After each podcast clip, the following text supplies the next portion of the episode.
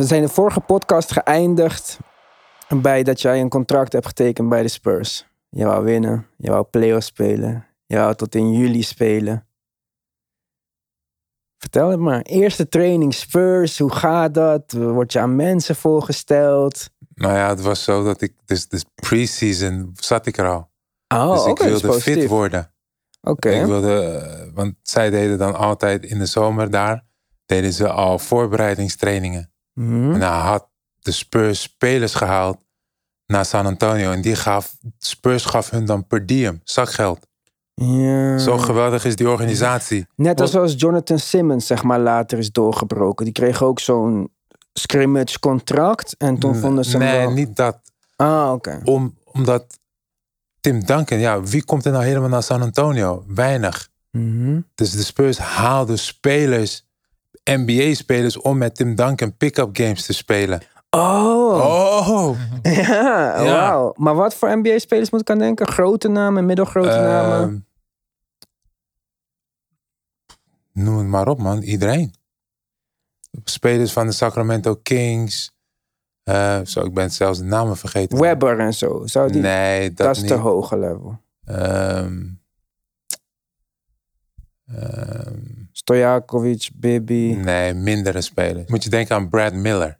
Ah, oké. Die, die generatie. Ja. In dat team. Dat team, weet je, van Brad Miller bij de Sacramento Kings. Mhm.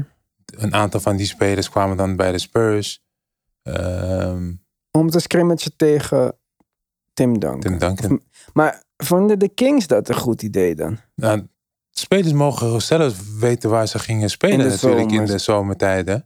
Dus Mm. die kwamen gewoon naar de Spurs. Omdat de meesten ook waarschijnlijk ergens in Texas woonden. Dan Ja, kwamen ze altijd ja, bij de Spurs. ja. Omdat daar pick-up games werden gespeeld. En NBA-spelers kwamen er. Ja. Snap je? Net als Jordan Space Jam, alleen dan Bijvoorbeeld. met Juist, lokalere dat, spelers. Dat, ja. dat. De Spurs betaalden hun gewoon een soort lunchgeld om te komen. Gewoon om wat zakcentjes. Wel slim, man. Dat Ja, ze waren super eh, slim. ja. En dus ik kwam ook in die gym. Ja, we moesten. En dan s- ochtends vroeg hadden we altijd een training. En dan moesten we het voetbalveld rennen. Moesten we 10 keer 100 sprints doen. Of of 5 keer 50 sprints. Of, 10 keer 10 meter Ja. sprints en zo. Weet je, dat soort gekke dingen deden we dan. En dan s'avonds speelden wij. Dus dat was eigenlijk pre-season. Ochtendconditie en, En s'avonds speelden we. En nog niet tactische training. Nee, nee, nee, nee. Pop, het was nog gewoon vakantietijd, hè? Maar dit was niet, waren dit trainingen geleid door Pop? Nee, het was gewoon door de. eh, assis- het was pick-up games. Dus de assistentcoaches die waren Brad er. Brown? Brad Brown, uh, Budenholzer. Budenholzer, Chip, Eng nou, Chip England, heel soms. John Marks? Nee, die was Of er al speelde nog? Of, Nee, die was er niet.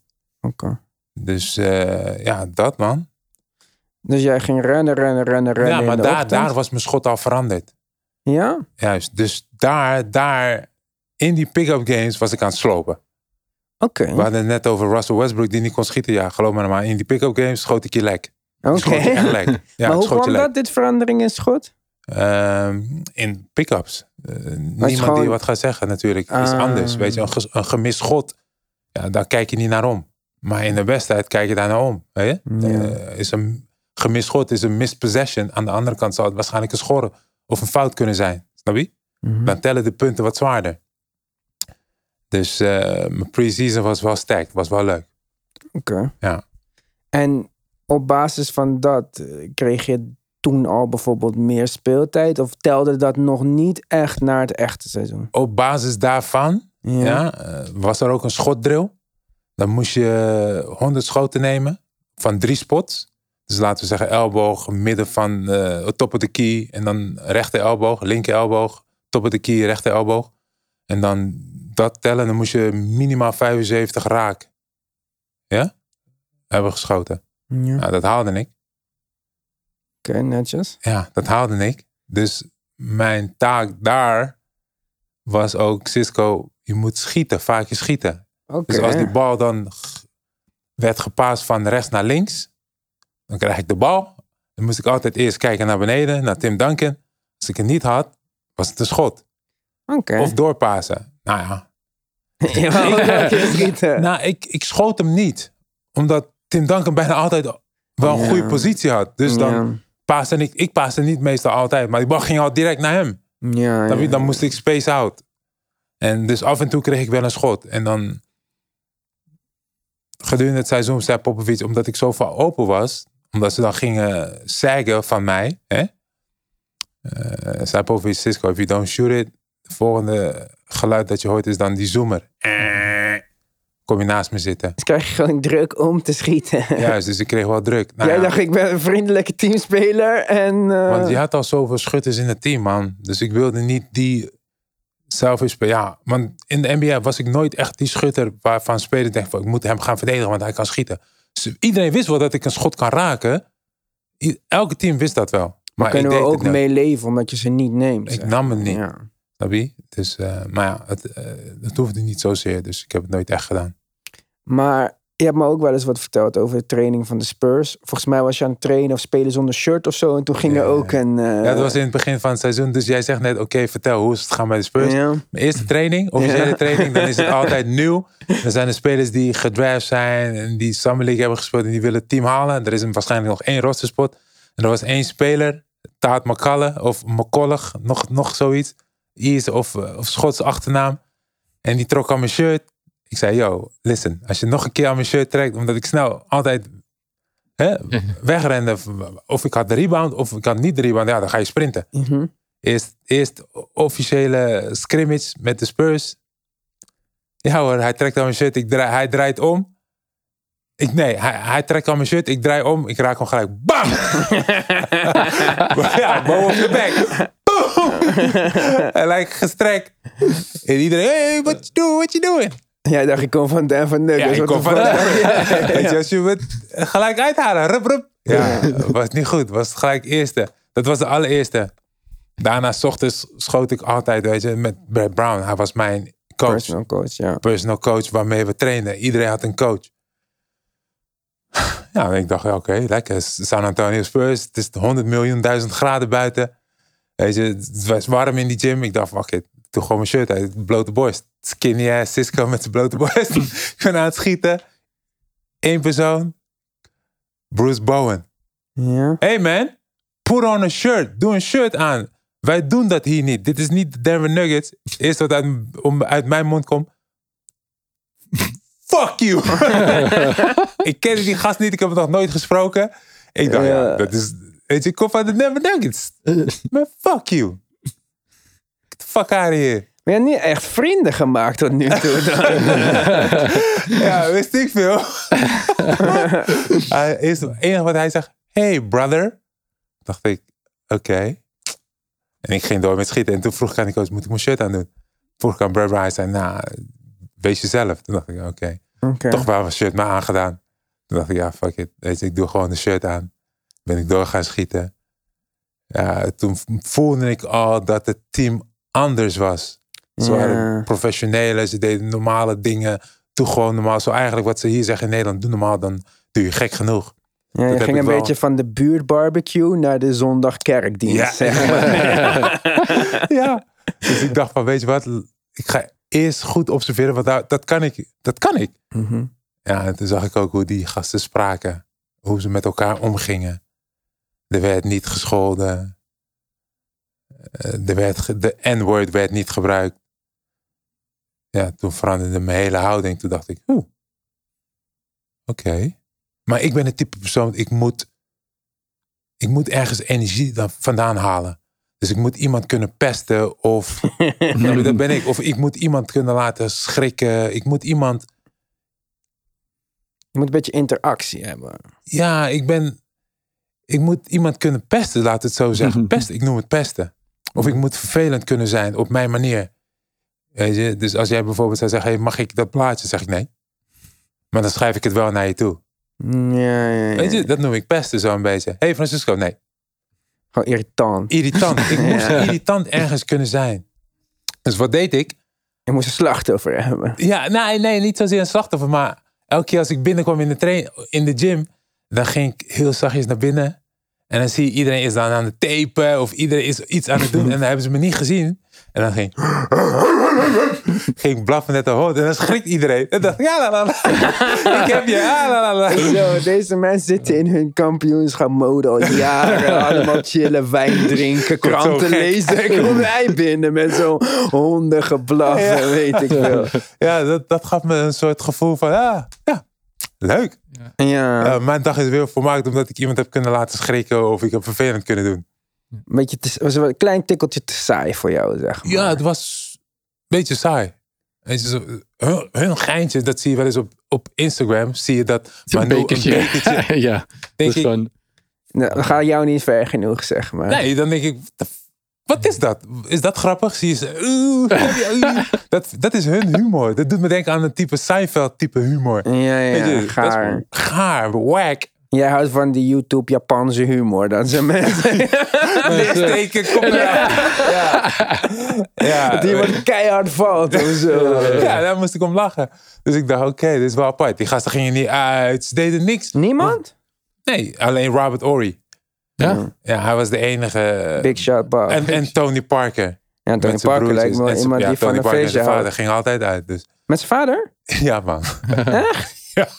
Met Tony Parker senior? Ja, ja, ja. Maar zijn moeder ook daar af en toe, of niet? Ja, zijn moeder was altijd, ja. Ja. Ja. Maar praat je Nederlands met haar en zo? Ja, Wisten zij- zij toen jij binnenkwam dat je Nederlands Ja, ja, was? ja. ja. En dus jij praat zijn mijn Pamela... ouders mee op, eh, op pad, man. Oh, wat chill. Dat vind ik wel, dat is wel ja, heel ja, cool. ja. Mijn oom, mijn a- mijn tante, ze nam iedereen mee, man. Ze kwam iedereen ophalen. Is dat een Spurs ding? Dat eigenlijk de family is ook extended van het team? Dat is wel, Hey, lijkt me wel hey, fijn, man. Familie, iedereen mocht in het vliegtuig, man. Moest je wel vragen, en dan kon iedereen gewoon mee. Ja, want er, er was ooit een rumor dat Tim Duncan naar de Magic zou gaan. En toen vroeg hij of Ja, hij ja, zijn ja. familie mee mocht nemen in het vliegtuig. Zei Ja. Dokker even nee. Nee, ja. En toen dacht Duncan, fuck deze. Ja. Oké, Ja, daar gaan ja, drie bij de- titels. Bij de Spurs kan alles zo'n beetje, maar als je het maar vraagt. Maar als het ook maar goed is, of fa- familie is goed. Je zegt net, ze gaan niet Directe uit. familie, ja. Ja. En, en, oh, en of het iemand anders is, dan moet je het even vragen. Ja, maar dat is al super chill, toch? Popovic was chill, man. Mensen begrijpen dat niet, maar... Hij ziet die waarde gewoon in van familie Ja, hij begrijpt het. Hij begrijpt hoe belangrijk familie is. Hij weet het 100%. Maar dat vind ik wel bijzonder om te horen. Ja. En, eh, dus, want je kwam daar in het team. Als ik het was, zou ik gelijk naar Tony Parker gaan. Want ja, hij is half Nederlands. Maar eh, hij speelt voor Frankrijk, praat Engels met een Frans accent, zelfs na 20 jaar in Amerika te zijn. Kan hij, kan hij überhaupt Nederlands? ja, een paar woordjes. Ah, dus je kan niet met hem, eh, Nee, ik kan je kan niet zeggen, nee. Tony, ga naar links of zo. Nee, dat gaat hij niet verstaan. Hij begrijpt het wel, maar...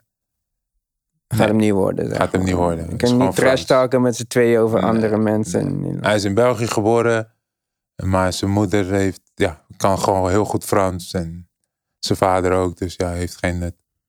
Maar zijn vader is Amerikaan, toch? Amerikaan, ja. Waarom praat Tony zo fucked up Engels dan? Praat ze gewoon alleen maar Frans thuis of zo?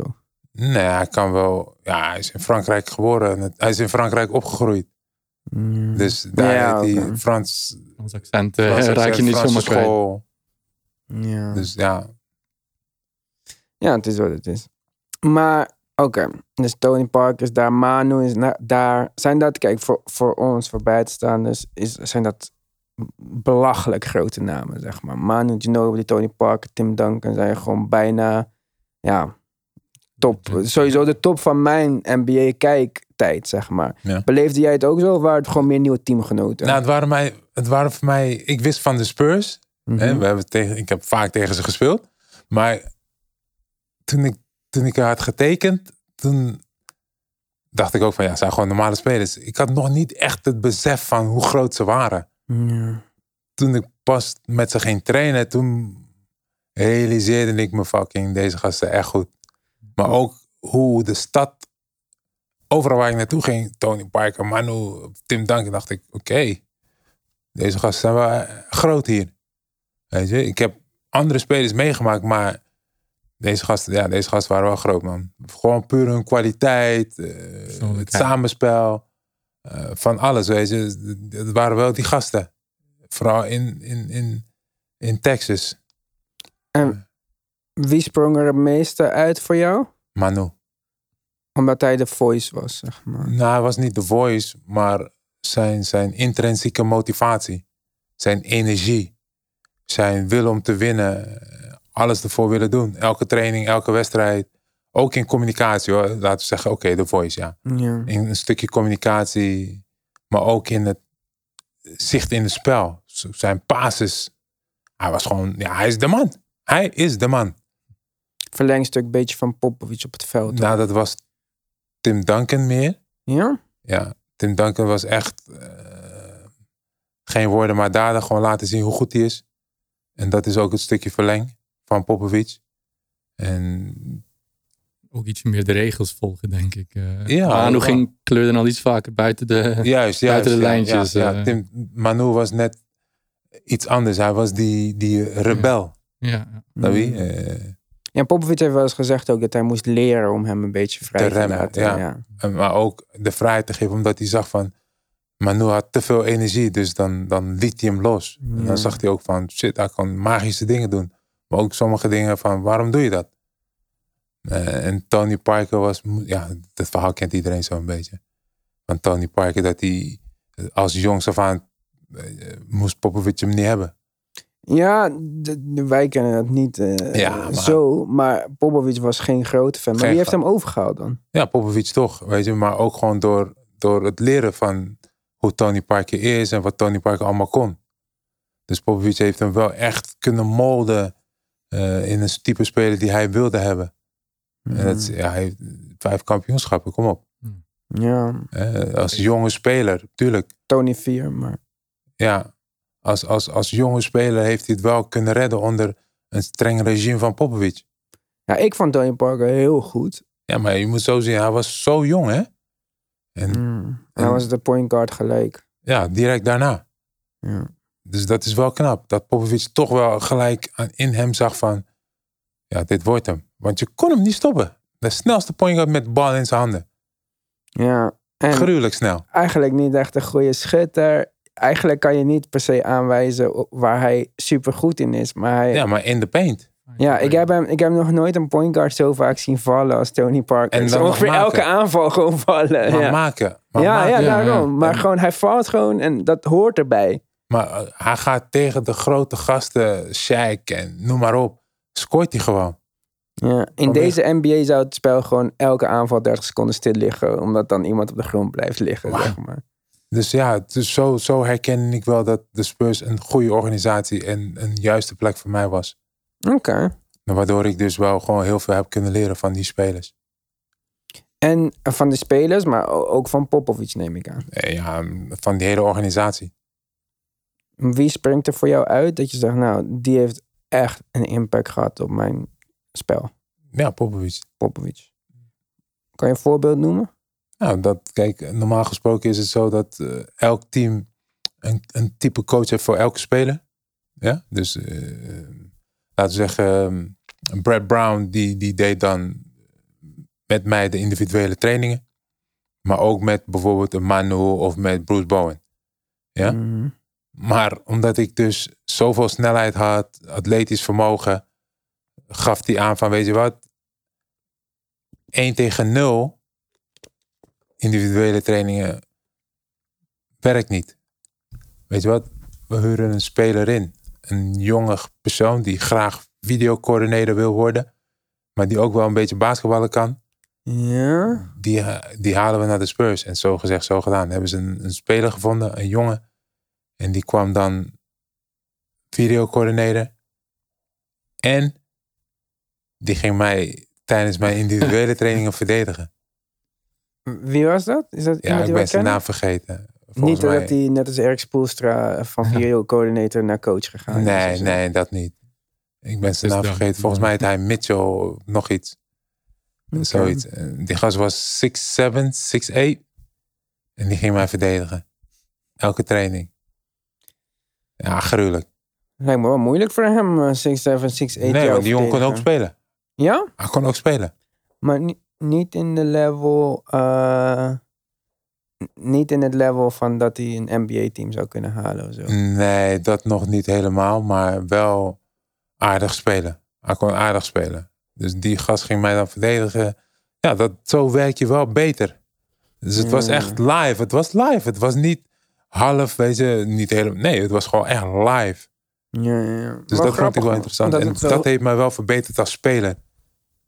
Snap je? Ja. Ja, vond ik wel. En dat, dat is ook dan die impact geweest van Popovic op mijn carrière en mijn denkwijze. ja, maar wel gek eigenlijk, want het klinkt super simpel. Maar dat dan alleen de Spurs dat doen, dat de Nuggets dat niet deden bijvoorbeeld. Ja, maar nu doen die uh, sommige Ja, eh, nu. assistentcoaches doen het nu. En vandaar dat ze ook heel wat spelers van buiten halen die dus developmental coaches worden, weet je. Ja, daarom is denk ik Roy Hibbert bijvoorbeeld assistentcoach bij de Sixers. Zodat Juist. hij kan spelen Juist. tegen Embiid. Bijvoorbeeld, exactly. Ja. Dat doen ze dus nu zo, op die manier. Hmm. In plaats van dus iemand gewoon van de straat halen of zo, weet je. Ja, ik heb je nooit zo een- bekeken eigenlijk. Ja, Ja. Dat de assistentcoach dat ook kon bijdragen. Maar nu dat je het zo zegt, denk aan, dus aan Roy Hibbert. Maar ook aan God Shamgod. Die is eh, Mhm. assistant bij Dallas. Juist. En dat is niet voor niks dat Luca met zulke soort mensen eh, kan werken. Tuurlijk, want die gasten hebben skills, man. Ja, Die ja. gasten weten een andere dimensie toe te voegen aan een Mm. normale assistentcoach. Een assistentcoach is jij en ik, die gewoon gaat zeggen: Oké, nou doe deze move. Maar die Shamgar of een Roy Hibbert weet precies van: Oké, als je dit doet, dan gaat die speler 100% dit en dat zo zus doen. En Roy Hibbert kan zeggen, ja, als je zo springt, dan gaat de scheidsrechter niet fluiten. Snap je? Ja, omdat hij het hij echt heeft die ervaring meegemaakt. ook. Ja, ja, Ja. ja, ja. Dus dat werkte bij mij heel goed, maar niet op die niveau van Roy Hibbert of een Guy Shamgar. Dus, Ja, maar gewoon dat er iemand nog bij was, zeg maar. En dat je wat meer in de, in de training al zoveel mogelijk wedstrijdgevoel eigenlijk. Ja, ja, dus eh, dat, je moest een echte body voelen, weet je, bijvoorbeeld. Oké, en dat zijn Ja. je individuele trainingen. En een teamtraining. Hoe gaat dat eraan toe bij de Spurs? Is dat Ja. geleid op Popovic? Wat wordt geleid op Popovic? Alleen de De wedstrijd? filmsessies, Filmsessies? als je verloren hebt en als je hebt gewonnen, dat is de oorlog. Als je verloren, als je hebt verloren, ja, dat is- dat is oorlog. Eh, de trainingen ook wel, maar dan heeft iedereen gewoon de trainingen geprint. En die hebben ze dan op een A4'tje en die stoppen ze dan in hun broek. Weet je, aan, aan de rand van de broek. Zodat iedereen kan kijken, oké, op deze minuut doen we dit. 30 minuten later doen we dit. 15 minuten later doen we dat. Weet je. Eh, De spelers, de spelers, hebben, de spelers hebben zelf het blaadje. Nee, Ah, nee, de coaches. de coaches, de Oké, oké. assistentcoaches hebben dat zo. Ah. Ja, gedaan. ja, ja, oké. Ja, zodat ze kunnen kijken van oké, eh, dan hebben ze een onderdelen, verschillende. Ja, je hebt 1, 2, 3. Je hebt zes baskets. En dan aan de zijkanten nog twee. Eh, Ja. weet je, nog twee zo. Dus in totaal hebben ze eh, 11 baskets. Oh, Ja, of of eh, Whatever. 13 Veel baskets. baskets, ja. Ze hebben 13 baskets en zo een beetje. En dan, eh, ja, dan heb je de guards, small forwards, big guys. En dan wordt er op andere basket zijn die gasten die nooit spelen. Hè, die zitten op andere baskets gewoon te schieten. En dan soms verplaatsen we ons van veld 1. Je hebt veld 1, veld 2, veld 3. Soms verplaatsen we van ons van veld 1 helemaal naar veld 3. En dan gaan we daar 5 tegen 5 spelen. En dan gaan we terug naar een basket. En dan spelen we daar 1 tegen 1 met de bigs. Oh, en dan eh, doen we een paar drills. Hoe spelen we pick and roll? Er wordt een shelter uitgericht, uit, uit, uitgelegd.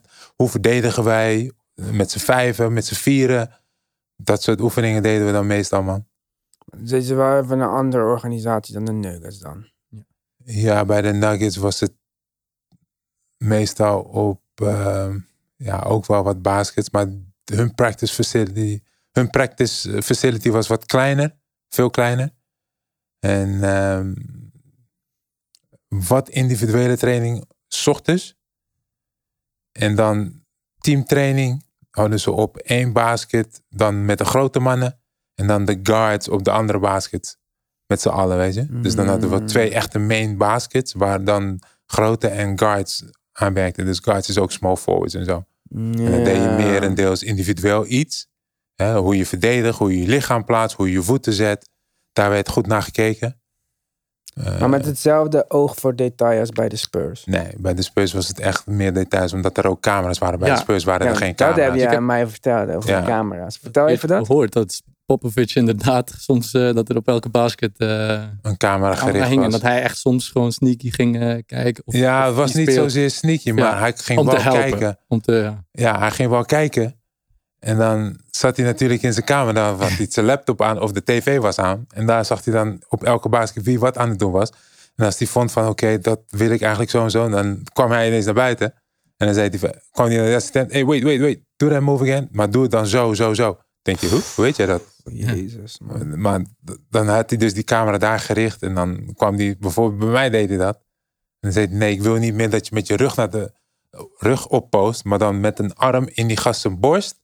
En dan met je linker of rechterhand de bal vragen. En als je hem dan krijgt, gelijk openstappen. Want dan heb je hem open en kan je gelijk face-up game spelen. En dan kan je faken, schieten, baseline drijven, middeldrijven, terugspinnen.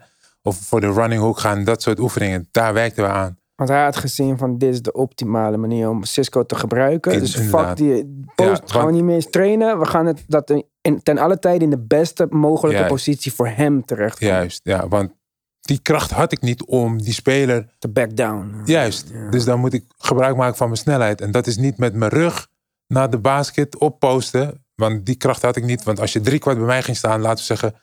Ik speelde tegen eh, Blake Shaq. Griffin of Shaq. Ja. Ja, die duwt mij gewoon zo onder de basket. Maar als ik nou mijn hand, mijn voorarm kon zetten. En als hij dan toch die bal wilde wegslaan, kon ik hem loslaten. En dan nog naar die bal grijpen. En dan gelijk baseline drijven, weet je.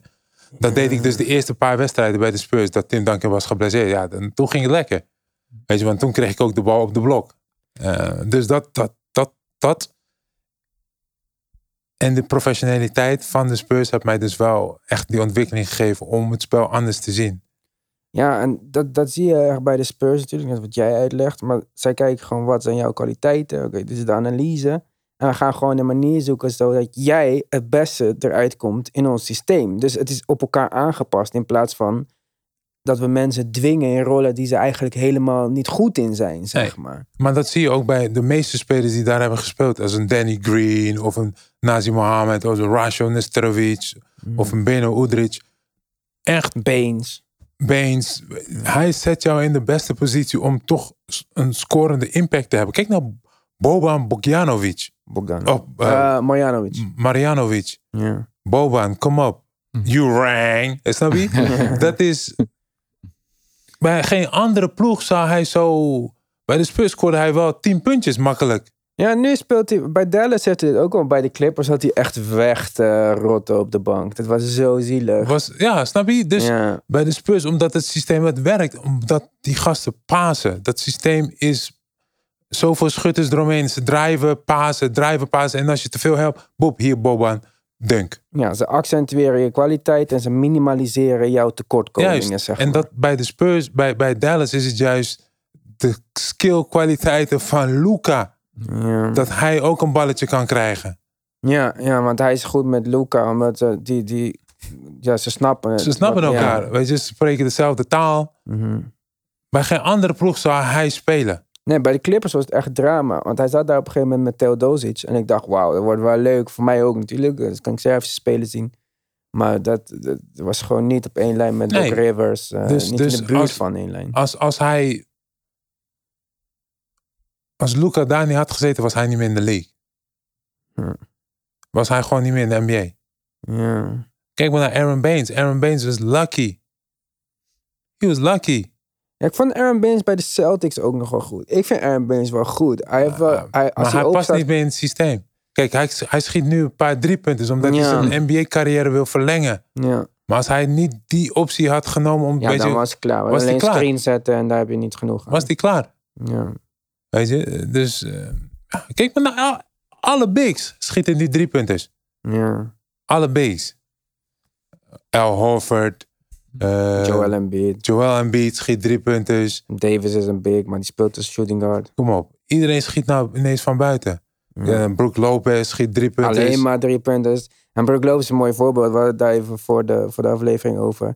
Maar hij was all-star bij de Nets. En Post-up. was een post-speler. Gewoon een- Je die- kon hem niet stoppen. Hij Nee. is zo groot. Hij is zo groot. En zo log sterk, zeg maar. Ja. Het is ongelooflijk, man, hoe groot hij is. En hij is nu gewoon eigenlijk een spot-up Ja, ik vind het echt belachelijk.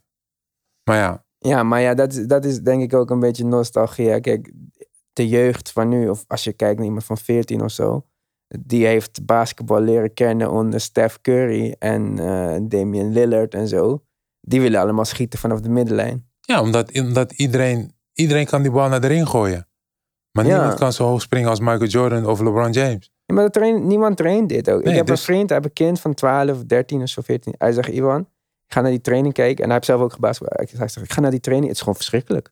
Niemand wil dribbelen. Niemand wil een mooie beweging. Ik zie niks. Het is geen pasen. Is allemaal schieten naar elkaar van de middenlijn. Ja, dat trainen tuurlijk. Want dat kan iedereen. Maar niemand kan vliegen net als Jordan of als LeBron James. Of wil aan zijn voeten werken, net als Hakim. ja, of iets in maar die dat, richting. weet je, anders is het spelletje niet meer leuk. Want, omdat ze dat niet kennen.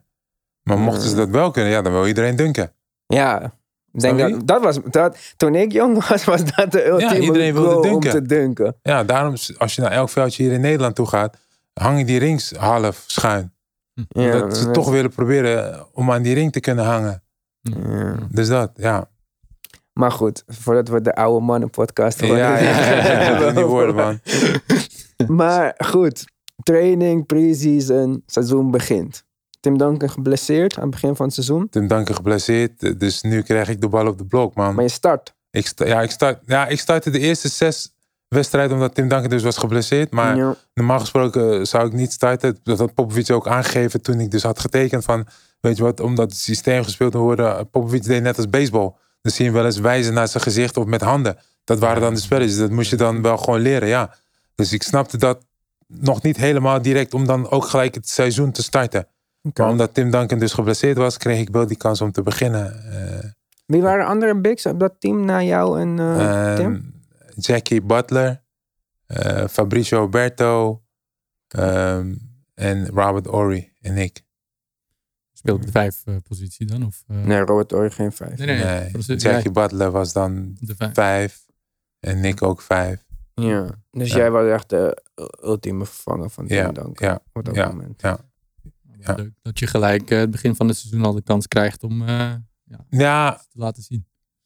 De bal op de blok krijgt. ja, nee, ik zeg het verkeerd man. Dat was het tweede jaar. Oké, laten we dan even naar het eerste jaar Ja, het eerste jaar was gewoon, weet je, vanaf de bank. En ehm, Hoeveel minuten ongeveer, weet je dat uit je hoofd? ik denk iets van 15, denk ik of zo. Tussen de 10 en de 15, laten we dat zeggen. Oké. Ehm, maar dat was niet slecht. Ehm, Hm. Ik speelde gewoon geregeld. Ehm, ik, ik vond het hartstikke leuk. Je leerde het spel kennen van de Spurs. Juist, mijn eerste wedstrijd was volgens mij tegen Dallas. Eh, met Nowitzki, Eric Dampier, eh, Jerry Stackhouse. Ja, want jij was de Nowitzki-stopper, toch? Bijvoorbeeld. Dat was, ja, noem me net geen Kobe-stopper. ja, nee. Ja, ik was, ik was er juist gehaald om Dirk Nowitzki het leven zuur te maken. Maar je kan die German bomber kan je niet stoppen, man. Hij one-legged fadeaway, dat eh, je vergeet. Vergeet het maar. maar Ja. Volgens mij is dat schot nog nooit geblokt. Ja, en dan pumpfake heeft hij ook nog. Dus dat, Alles. eh, heeft hij, ja. kan van alles. Dus ehm, mijn eerste wedstrijd, volgens wat ik kan herinneren, denk ik, hè, was tegen de Dallas Mavericks. Volgens mij scoorde ik iets van 13 punten, 8 rebounds of zo. Kreeg ik nog een technische. Volgens mij was dat ook nog de wedstrijd dat Tim Duncan eruit werd gestuurd. Vanwege lachen. Die, ene, die ene Ja. wedstrijd, ja. Ja, Ah. dus dat was een gruwelijke wedstrijd. Die paas kwam uit het niets. Die ik kreeg. Ik dunkte hem en ik ging aan de ring en ik schreeuwde. En ik kwam neer en ik kreeg ineens een technisch. En ik werd gelijk gewisseld door Pop. Hij zei, wat doe je? Ik zeg, ik, niks. Ik zei niks. Ik ren alleen terug. En toen zei iedereen, ja, he didn't do anything. You just screaming. Maar het leek net alsof ik aan het tanten was, weet je. Aan het, Ah, was eigenlijk, eh, ja. aan het insti- eh, instigeren dat ik iets wilde doen of zo. Maar ik deed niks. Ik schreeuwde alleen, maar ik ging nog aan de ring. Maar ik En was op, gewoon... oh, en op zo'n moment luistert Pop dan naar wat iedereen zegt? Of Ja, maar Popovic begrijpt dat. Popovic is niet zo'n guy dat... Ik heb nog nooit een technische fout gehad voor, voor zo, zulke dingen, bijvoorbeeld. Naar wie? En dat weet hij En ook. dat weet hij wel. Komt daar niet als Patrick Beverly en... Nee, eh, weet je, dat is ook niet mijn wedstrijd. stijl. Dus ook niet bij de Nuggets. Dus hij wist dat wel. En toen hij ook zei van... eh, toen iedereen zei van... ja, it didn't look like he did anything. Dat, weet je, dat zei hij vroeg hij ook aan de assistentcoaches. En daarna mocht ik er weer in dus. Ja. Oké. Maar hij wou wel even checken dat je niks eh, stoms hebt gedaan. Eh, maar nee. Maar goed, dat eerste seizoen, je speelt je 10, 15 minuten, alles gaat goed. Ja, we worden dat jaar ook nog kampioen. Het tweede helft van het seizoen. eh, dan heb ik die spelletjes wel onder Ja. controle. De, de handsignalen van Popovic heb ik onder controle. Ik speel geregeld. Ik, speel- ik speel wat consistent. Ehm, en de tweede helft van het seizoen sta ik in de basis, man. Ja.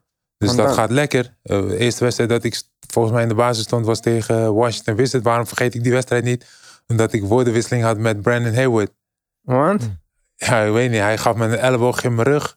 En ik, ik bij de volgende Je zo- possessie... Mensen vergeten dat jij bij de Denver Nuggets hebt gespeeld. en ik haal het direct uit. Ja, dus hij rent terug.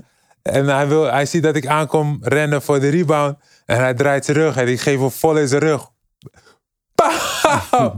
Ja, eerst wat uit zijn mond was scheld worden. En ik ren met hem terug. En Ik scheld hem de hele eh, baan van, van verdediging naar offense. re- Scheld ik hem helemaal verrot. En, en, en, en Tim Duncan zei, Cisco, let it go, let it go. Ik dacht tegen de, Tim Duncan, dan ken je me niet goed genoeg. Ik- Als hij wat wil doen, dan gaan we vechten. Gaan we hier worstelen. Ja. En eh, op een gegeven moment zei Brandon Hayward niks meer tegen mij. We wonnen die wedstrijd gewoon. En eh ging op een, eh, we waren onderweg naar een 13-game winning streak. Sinds ik in de basis stond. Dus weet je, Popovic zei altijd in het begin van het seizoen willen we gestaagd spelen, consistent. En dan wanneer het important is, belangrijk is, willen we stijgen. Boven de grens uit, weet je. Boven iedereen uit willen we pieken. En dat deden we op dat juiste moment. Toen gingen we echt goed spelen. Eh was ook eh, die rodeo trip. En dan speel je twee weken zo'n beetje on the road. Dus we wonnen 13 games on the- in de row, man. Geen lekker. Eh, ik voelde me goed. Ja, ik wou net zeggen, dat moet goed voelen. Je Ja. komt ergens, je draagt bij, het, het resultaat is daar. Ja, ja. dus eh, ik had niks te klagen, man. En we gaan zo lekker rustig de play-offs in. Weet je, geen akkefietjes meer. Ik heb een plek gevonden. Ik kreeg een lekkere sponsordeal. Ik kreeg een, een, een, een, eh, Sponsor deel Onze- van? ja. van Tahoe. Weet je, zo'n jeep kreeg ik. Weet je, ik was op Good Morning San Antonio. Ja, die, Ik deed die San. Antonio reclames zijn echt wel... Ja, ja. Dus ik kreeg, daarvan kreeg ik zo'n jeep. Dacht ik, zo, dit is wel dope. Ja, dat is wel chill, toch? ik ben wel belangrijk. Weet Ja. je, als ik naar de stad ging of zo, ik ging naar de winkelcentrum. Hey Francis, Cisco Kid. Dat muziekje speelden ze dan af als ik had gescoord. Hoor je, Cisco Kid was a friend of mine. Ja. Maar Google maar allemaal. eh, Ja, ja, ja. Dus ik, vond, ik, ik zat lekker in mijn vel. En we gaan zo de play-offs in, man. Dus daar dacht ik, oké, play-offs. Ik heb drie jaar lang play-offs gespeeld met de Spurs. Nuggets. Met de Nuggets. Wat gaan we hier doen? Hoe is hun systeem bij de Spurs? Bij de, bij de Nuggets was het altijd alle grote mannen bij elkaar. Dit doen de grote mannen van de tegenpartij. Zo moeten we dat doen. Zo moeten we rebounden. Zo moeten we verdedigen. Jullie moeten zo helpen. Eh tendencies van die van bijvoorbeeld LA Clippers, eh Kamen, Chris Kamen of Brandon Elton Brand was rechtshandig. Chris Kamen goed met de linkerhand. Eh, bij de Spurs was het oké guys. eh, we hebben al tien keer tegen die gasten gespeeld. Ik zie jullie bij de weten wat we wedstrijd. moeten doen. Dus zie je bij de wedstrijd. Ja, we gaan niks anders doen. enige wat ik wel wil, zei Popovic altijd. enige wat ik wil is... I don't give a fuck if your parents are in town. I don't want to see you in the mall or in the city. Your ass is mine. Is het. Dacht ik, oké, dit is apart. Nou, mijn familie was toevallig in town, dus ik nam ze mee naar de mall. Volgende dag kwam ik op de training. Cisco. Cisco, what the fuck did I tell you? Why are you at the mall? Dacht ik, huh? Hoe, hoe weet jij dat? Kom op man, Popovic. Die stad is van Popovic. Maar wat is de filosofie erachter dat je niks anders mag doen? Je moet gewoon, Gewoon gefocust, geconcentreerd. Weet je, je taken uitvoeren, energie hebben. Maar nu geen gaan mensen uit in de playoffs. En Bij de Spurs Nee, niet, man. Maar de Spurs nog steeds niet, denk je? Ik denk het niet. Ik, ik zou het niet doen. Popovic komt erachter en dan geeft hij je gewoon een tik op de vingers. Ja, maar kijk, jij mag niet naar de mall. Maar wie was het nou? Harden of zo? Een van die spelers vorig jaar dat hij uitging tijdens de playoffs. Ja, Harden. Ja. Harden. Club, eh, Ja, stripclub en zoiets. Ja, maar je ziet het resultaat. Ja, hij is hard kapot. We hebben de Spurs in die periode... Ja, het heeft te maken met verantwoordelijkheid. Snap je? Als jij hij heel houdt je ook graag... verantwoordelijk. Ja, maar als jij wilt winnen, dan zijn dat soort dingen... Kan altijd. Je kan altijd naar de, naar de disco. Je kan altijd uitgaan. Maar de playoffs is maar één keer in het jaar en vier wedstrijden. En als jij die vier wedstrijden niet wint, lig je eruit. Dan moet je weer zes maanden wachten voordat het seizoen begint. En dan nog een heel jaar om playoffs te halen. Ja, plus dat ik ook wel denk dat nu bijvoorbeeld een James Harden of een eh, whatever is groter dan de coach. Die sterspelers van nu, die, volgens mij moet je ze echt met fluwelen handschoenen behandelen. En, Ja, maar dat Maar bij is de bij elke is- sport zo. ja, maar bij de Spurs is niemand groter dan Popovich. Boeit echt geen moer wie daar komt. Ja, zeker niet. Maar de Spurs neemt ook niet zulke grote spelers. Weet je? Ja. De Spurs gaat ook niet zo'n grote Maar Tim speler Duncan halen. is de beste power forward Ja, of maar Tim time. Duncan is wel weer introvert. Hij is zo verlegen, zo Quirky. Een beetje... ja, maar eh, wel terughoudend, weet je. Tim Duncan is meer echt een, een man geworden. En eh, hij had geen vaderfiguur, dus Popovic heeft hem onder zijn vleugels genomen. Heeft, Popovic is echt, als je naar beelden kijkt, iedereen gaat naar Popovic, schudt zijn hand vooraf de wedstrijd. Ja, ik krijg fucking veel respect. Hij heeft veel respect. Maar wat hij is de enige coach die zo los gaat, nu ook Doc Rivers, over de president. Dat heeft Popovic altijd gedaan. Omdat hij wel weet waar hij het over heeft, bijvoorbeeld, eh, vind ik hoor. Ja. En dan zullen de meeste mensen zeggen, maar ja, maar Popovic is. Ja, maar dan begrijp je niet hoe Popovic is. En, en je ziet niet, of je hebt hem nooit echt meegemaakt. Je ziet alleen maar of je hebt van gelezen. Snap je? Eh, En dat is wel een groot verschil, denk ik. Hoeveel tijd had je nodig om erachter te komen dat hij bijzonder was, zeg maar? Wie, Popovic? Ja. Ehm, ja, daar had, dat hij bijzonder was, dat, daar had ik niet zoveel moeite mee om dat te, te zien. Ehm, Maar hoe speciaal die was? Wat je net zegt van... Wist, merk je dat snel of dacht je echt na één seizoen, wow. Ehm, ik merkte dat hij echt. Hoe, hoe spelers met hem omgingen, dat merkte ik. Hoe speciaal die was. En dat merk je gewoon van: oké, waarom gaan al deze gasten naar Popovic? En die spelletjes die hij. Of de manier waarop hij met je sprak. Of de manier waarop hij je ging begeleiden. De manier waarop hij je vertrouwen gaf. De manier waarop hij met je sprak dan merk je wel dat hij een echte goede coach is en een kwaliteit had. Eh, eh, de meeste spelers of coaches hebben dat niet, man. Vind ik hoor. Heeft ook meer echt een gevoel voor humor, zeg maar. Hij kan niet zeggen, het is heel serieus, zeg maar. Maar op zo'n manier dat het toch het Ja, hij- aankomt, maar dat het toch... momenten waardoor je dus eigenlijk gewoon zegt van... Waarop jij denkt van, oké, nu ben ik nerveus. En hij weet daar precies net iets toe te voegen... waardoor je dus wel gewoon op je gemak bent. Snap je? Hij is niet een type coach die volgens mij totale vernedering geeft. En dan dat je hele zelfvertrouwen naar beneden haalt. Ja, hij houdt je accountable, maar hij gaat je niet kapot maken om je kapot te maken ofzo? Nee. En dat had ik wel bij andere coaches, zoals een George Carl of een. ja. Weet je, die was gewoon, of een Scott Carl, gewoon straight up dik. Second round.